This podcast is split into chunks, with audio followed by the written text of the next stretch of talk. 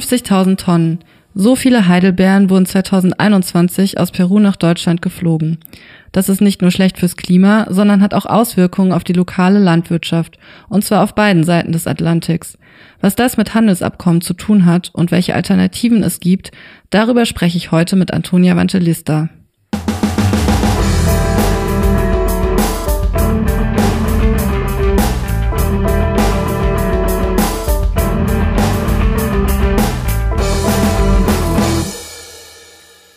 Hallo, herzlich willkommen bei Kompass Weltwirtschaft, dem Podcast von PowerShift.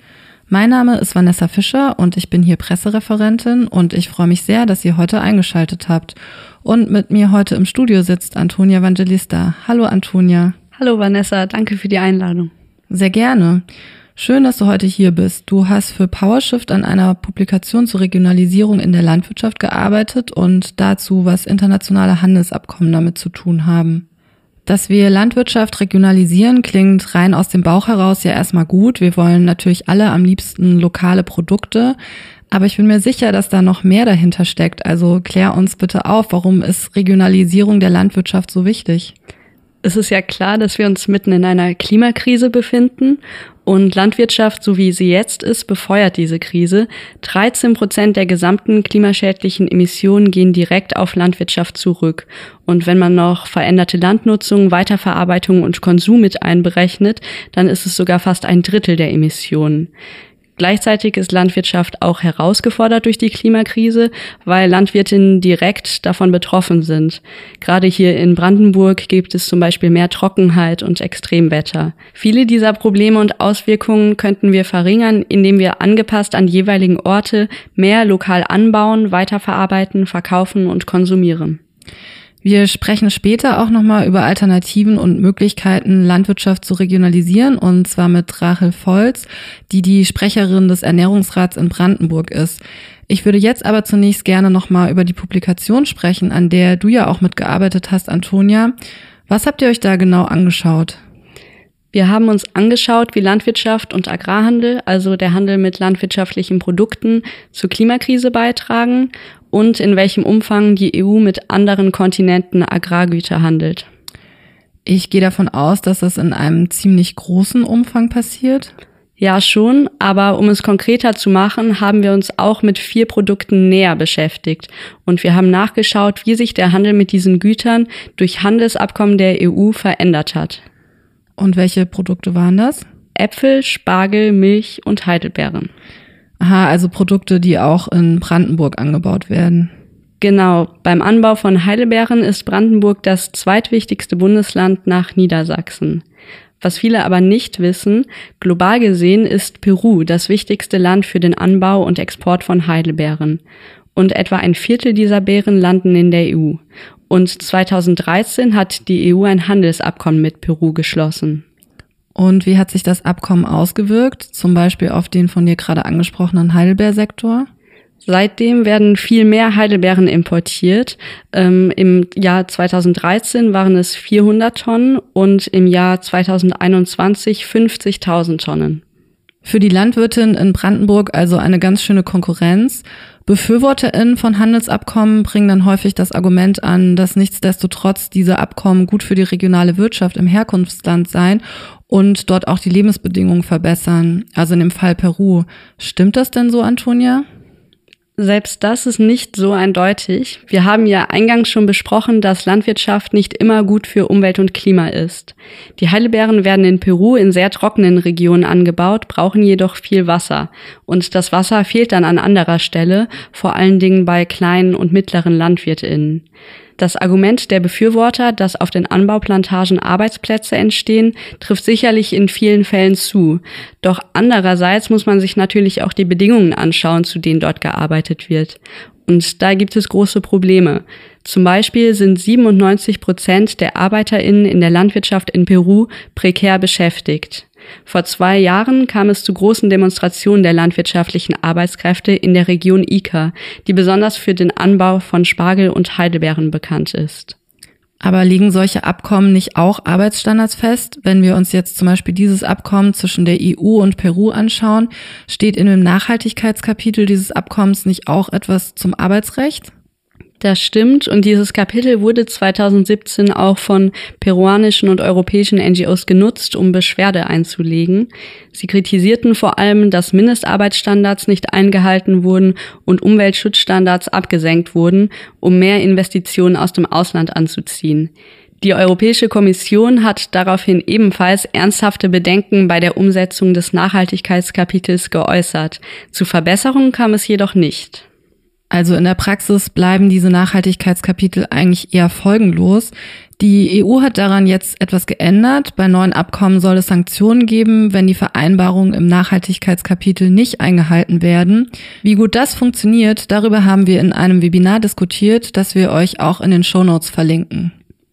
An dieser Stelle ist noch wichtig zu erwähnen, dass regionale Produktion auch hierzulande nicht zwangsläufig mit guten Arbeitsbedingungen einherkommt. In der Landwirtschaft ist zum Beispiel Saisonarbeit weit verbreitet, vor allem in arbeitsintensiven Kulturen wie beim Spargel, aber auch bei Beeren. Und 40 Prozent aller landwirtschaftlichen Arbeitskräfte in Brandenburg sind Saisonarbeitskräfte. Gerade da kommt es besonders oft zu Arbeitsrechtsverstößen, zum Beispiel zu Lohnabzügen und fehlender Sozialversicherung. Die schlechten Arbeitsbedingungen haben wiederum etwas mit Handelsabkommen zu tun, denn durch den intensiven Handel gibt es mehr internationale Konkurrenz und Druck für die ProduzentInnen möglichst billig zu produzieren und dann vielleicht auch bei den Arbeitskräften zu sparen. Okay, das heißt, wir können festhalten, es werden immer mehr Heidelbeeren aus dem Ausland nach Deutschland importiert, was den regionalen Handel erschwert, einfach weil Importe oft günstiger sind als die hier produzierten Produkte. Und in dem Herkunftsland, also Peru, profitieren die Menschen und Umwelt auch nicht unbedingt davon. Ist das denn bei allen Agrarprodukten so? Das Grundprinzip ist meist ähnlich, aber die Richtung des Handels variiert. Bei Obst und Gemüse ist Deutschland meist Nettoimporteur, aber bei tierischen Produkten sieht das anders aus. Wir haben uns Milch angeschaut.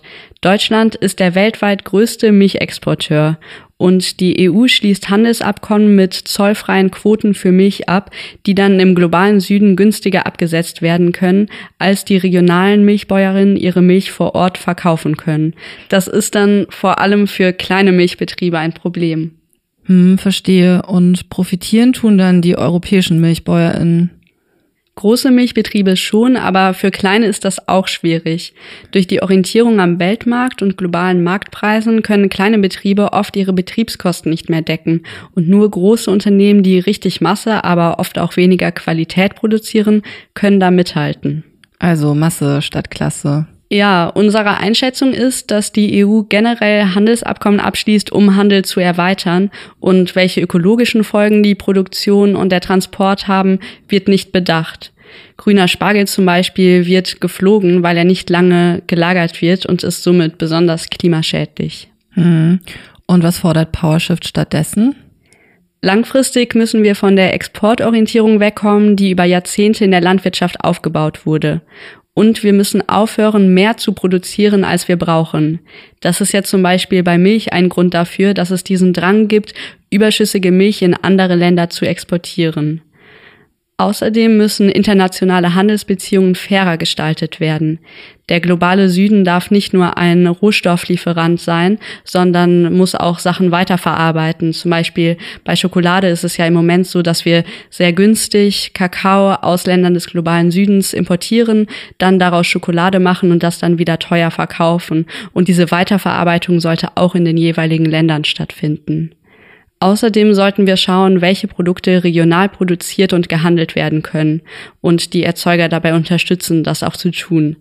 Die regionale Produktion und Weiterverarbeitung kann dann dazu beitragen, dass Länder ernährungssouveräner werden, also sich selbst mit Lebensmitteln versorgen können. Und gibt es da schon Ansätze, mehr auf so Ernährungssouveränität und Regionalisierung zu setzen? Ja, es gibt verschiedene Initiativen, um Ernährung und Landwirtschaft zu verändern, zum Beispiel durch die Ernährungsräte. Was sind denn Ernährungsräte? Das sind Zusammenschlüsse von Menschen aus der Zivilgesellschaft, die sich für nachhaltige Ernährung einsetzen, ganz konkret vor Ort, in ihrem Kiez oder in ihrer Stadt. In Brandenburg gibt es ganz viele lokale Räte und sie sind im Brandenburger Ernährungsrat zusammengeschlossen. Und ich habe mich mit der Sprecherin des Brandenburger Ernährungsrates, Rahel Volz, unterhalten und die hat nochmal beschrieben, woran es bei der regionalen Landwirtschaft noch hakt. Im Moment ist es so, dass eben äh, sehr wenige Lebensmittel aus äh, Brandenburg äh, in Berlin konsumiert werden, weil die äh, ein ganz großer Teil der, äh, der angebauten Lebensmittel eben irgendwo hingeht. Also oftmals wissen die Bäuerinnen und Bauern auch überhaupt nicht, wo ihre äh, Lebensmittel dann im Endeffekt landen. Und allzu oft landen die Lebensmittel vermutlich auch in ganz anderen Regionen und Ländern, wie wir ja schon besprochen haben. Wie könnten Lebensmittel denn regionaler vermarktet werden? Rahel Volz hat da zum Beispiel die solidarische Landwirtschaft und Marktschwärmereien genannt. Marktschwärmer ist eine Online-Plattform, bei der Menschen direkt bei regionalen ErzeugerInnen bestellen können. Die Produkte können dann an einer nahegelegenen Schwärmerei, also einem Verkaufsort, abgeholt werden. Und die haben sozusagen auch das Potenzial im ländlichen Raum, äh, dass, dass die Menschen überhaupt an, an regionale Lebensmittel kommen. In Berlin ist es so, äh, dass es eigentlich kein Problem ist, regionale äh, Bio-Lebensmittel einzukaufen. Aber im ländlichen Raum ist es oftmals in kleineren Städten oder auch Dörfern bekommt man diese Lebensmittel nicht, obwohl sie vielleicht in der Nachbarschaft angebaut werden. Und über solche alternative Vermarktungsmodelle wie Marktschwärmereien, solidarische Landwirtschaft gäbe es eben die Möglichkeit, dass eben auch vor Ort die Menschen davon profitieren, was sozusagen auch nochmal die Wertschätzung nochmal erhöht. Schwärmereien, das klingt nach einem interessanten Ansatz, wie sich auch etwas an der Logistik ändern könnte und vielleicht auch daran, wie die Produkte von den Höfen in die Einkaufstaschen und Häuser kommen. Mhm. Laut der Sprecherin des Ernährungsrates muss sich an vielen Stellen parallel etwas ändern. Wir haben einerseits im Anbau haben wir Probleme. Äh, es gibt bestimmte äh, Lebensmittel, die einfach viel zu wenig angebaut werden. In erster Linie ist da das Gemüse zu nennen. Das gibt es sehr, sehr wenig direkt aus Brandenburg. Äh, dann gibt es sehr wenig Verarbeitungskapazitäten. Das trifft eigentlich für fast alle Lebensmittel zu. Zum Beispiel haben wir wenn es Äpfel gibt aus Brandenburg, es gibt keinen Betrieb, der zum Beispiel der, die Äpfel zu Apfelmus verarbeitet. Das ist jetzt nur ein kleines Beispiel. Also auch hier äh, sozusagen die Wertschöpfung bleibt auch nicht im, im, im, im Land oder in der Region. Äh, wir haben auch Probleme in der Lagerung. Es gibt äh, auch hier viel zu wenig und unzureichende Lagerkapazitäten, um sozusagen gerade Beispiel Äpfel, um die eben über einen längeren Zeitraum dann eben auch zu lagern, dass sie auch im Frühjahr noch, also dass man die sozusagen noch verkaufen kann. Das ist natürlich auch wieder schlecht fürs Klima, wenn die Äpfel erst woanders hin transportiert werden müssen, um sie als Apfelmus wieder in die Region zu bringen. Gibt es denn in Brandenburg Versuche, mehr Wertschöpfung in die Region zu bringen? Ja, Rahel Volz hat mir von dem Projekt Biogemüse aus Brandenburg von der Fördergemeinschaft Ökologischer Landbau Berlin-Brandenburg erzählt ein tolles Projekt. Da geht es äh, um Gemüse, den Gemüseanbau in Brandenburg.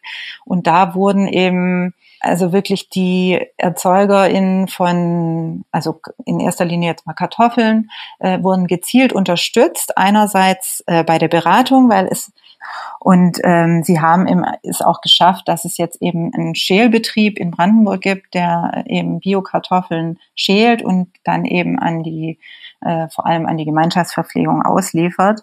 Und äh, solche, solche Initiativen, die dann sozusagen parallel äh, auf verschiedenen Ebenen äh, diese Wertschöpfungsketten unterstützen, äh, die sind ähm, sehr positiv regionale Wertschöpfung und die landwirtschaftliche Produktion für Gemeinschaftsverpflegung, also zum Beispiel für Kita, Schulen und Krankenhäuser, soll übrigens auch Bestandteil der Brandenburger Ernährungsstrategie werden, an der auch Rahel Volz und der Ernährungsrat mitwirken. Ernährungsstrategie, was hat es damit auf sich? Kannst du das einmal noch kurz erklären? Das sind Strategien, die auf offizieller Ebene ausgearbeitet werden, zum Beispiel von den Bundesländern unter der Mitwirkung der Zivilgesellschaft und die festlegen, wie Ernährung zukunftsgerecht gestaltet werden soll. Die Ausarbeitung der Brandenburger Strategie ist übrigens in den letzten Zügen, also bald fertig, hat Mira Helfholz verraten. Es gibt also schon einige spannende Ansätze für die Regionalisierung der Landwirtschaft. Es gibt offizielle Strategien der Bundesländer, aber auch Ernährungsräte, die sogar noch weitergehen. Es ist aber auch davon auszugehen, dass weiterhin Abkommen abgeschlossen werden. Wir haben heute eindrücklich von dir gehört, warum es wichtig ist, sich weiter für faire Handelsabkommen einzusetzen und die regionale Landwirtschaft im globalen Norden und Süden zu stärken. Antonia, ich danke dir, dass du heute hier warst. Das war sehr aufschlussreich. Und wie immer bedanke ich mich natürlich auch bei allen ZuhörerInnen für euer Interesse. Wir freuen uns sehr, falls ihr spendet. Alle Infos dazu findet ihr in den Show Notes. Ebenfalls dort findet ihr die neue PowerShift-Publikation, über die wir heute gesprochen haben. Teilt, liked oder abonniert unseren Kanal und damit verabschiede ich mich. Bis zum nächsten Mal. Tschüss. Tschüss.